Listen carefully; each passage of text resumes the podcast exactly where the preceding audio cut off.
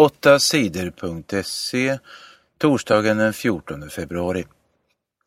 Munk brände sig till döds. De senaste åren har många människor i Tibet tänt eld på sig själva. De har bränt sig till döds. De har gjort det i protest mot Kinas ledare. Människorna i Tibet vill inte att Kina ska bestämma över dem. De vill ha ett eget land. De flesta som bränt sig till döds är munkar. På onsdagen tände en ung munk från Tibet eld på sig själv i landet Nepals huvudstad. Han dog av sina skador. Han var den hundrade munken som bränt sig till döds i protest mot Kina. Hästkött i fler sorters lasagne. I hela Europa sprider sig nyheten att färdig mat gjord på kokött egentligen kan vara gjord av hästkött.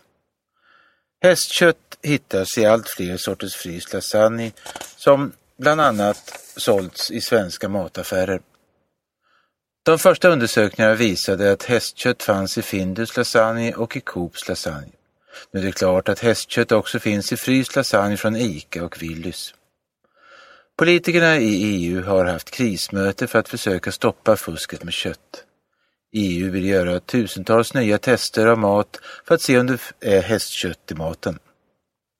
Det är inte farligt att äta hästkött, men de som säljer mat får inte säga att de säljer kokött när de egentligen säljer hästkött. Sverige utvisar journalister till Etiopien. Landet Etiopien tillåter inte journalister att arbeta fritt i landet. I över ett år satt de svenska journalisterna Martin Schibbye och Johan Persson i fängelse i Etiopien. Sveriges regering kämpade för att svenskarna skulle släppas fria. Flera journalister från Etiopien har flytt till Sverige. Men nu säger Migrationsverket att journalisterna inte får stanna. Sverige hämtade hem de svenska journalisterna från Etiopien. Men vi skickas tillbaka till helvetet, säger Etiopien Tedros Arega till tidningen Dagens Nyheter. Organisationen Reporter utan gränser säger att journalisterna riskerar att sättas i fängelse om de skickas tillbaka till Etiopien. Moderaterna vill ha betyg från tredje klass. Moderaterna vill att elever ska börja få betyg i klass 3. Regeringen har tidigare ändrat lagen så att svenska barn ska få betyg tidigare.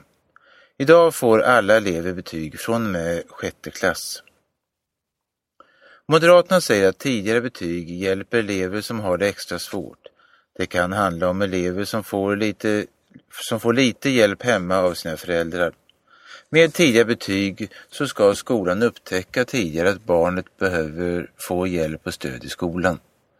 Skolminister Jan Björklund tycker också att det är bra med tidigare betyg.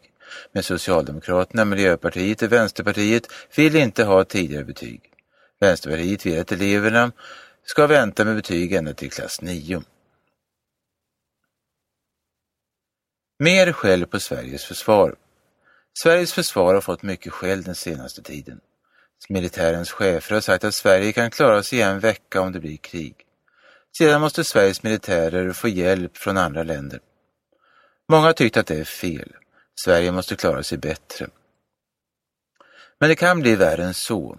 Det säger generalmajoren Karlis Neretnieks. Om några år kommer Sveriges militärer bara att kunna försvara landet en eller två dagar. Sen tar bensin, skott och annat slut. Det finns inga soldater som har som uppgift att hjälpa till med sådant.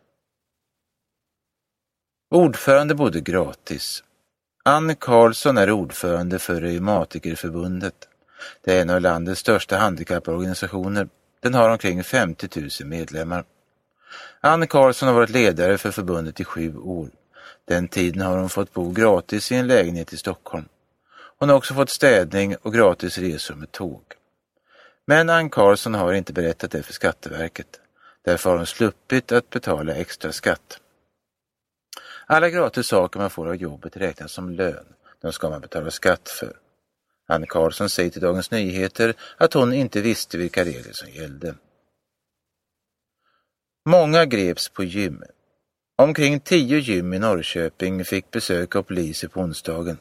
Polisen undersökte om de som tränade använde förbjudna medel för att dopa sig. Poliserna hittade förbjudna medel. De upptäckte också människor som var dopade. Sammanlagt är 43 personer misstänkta för dopningsbrott.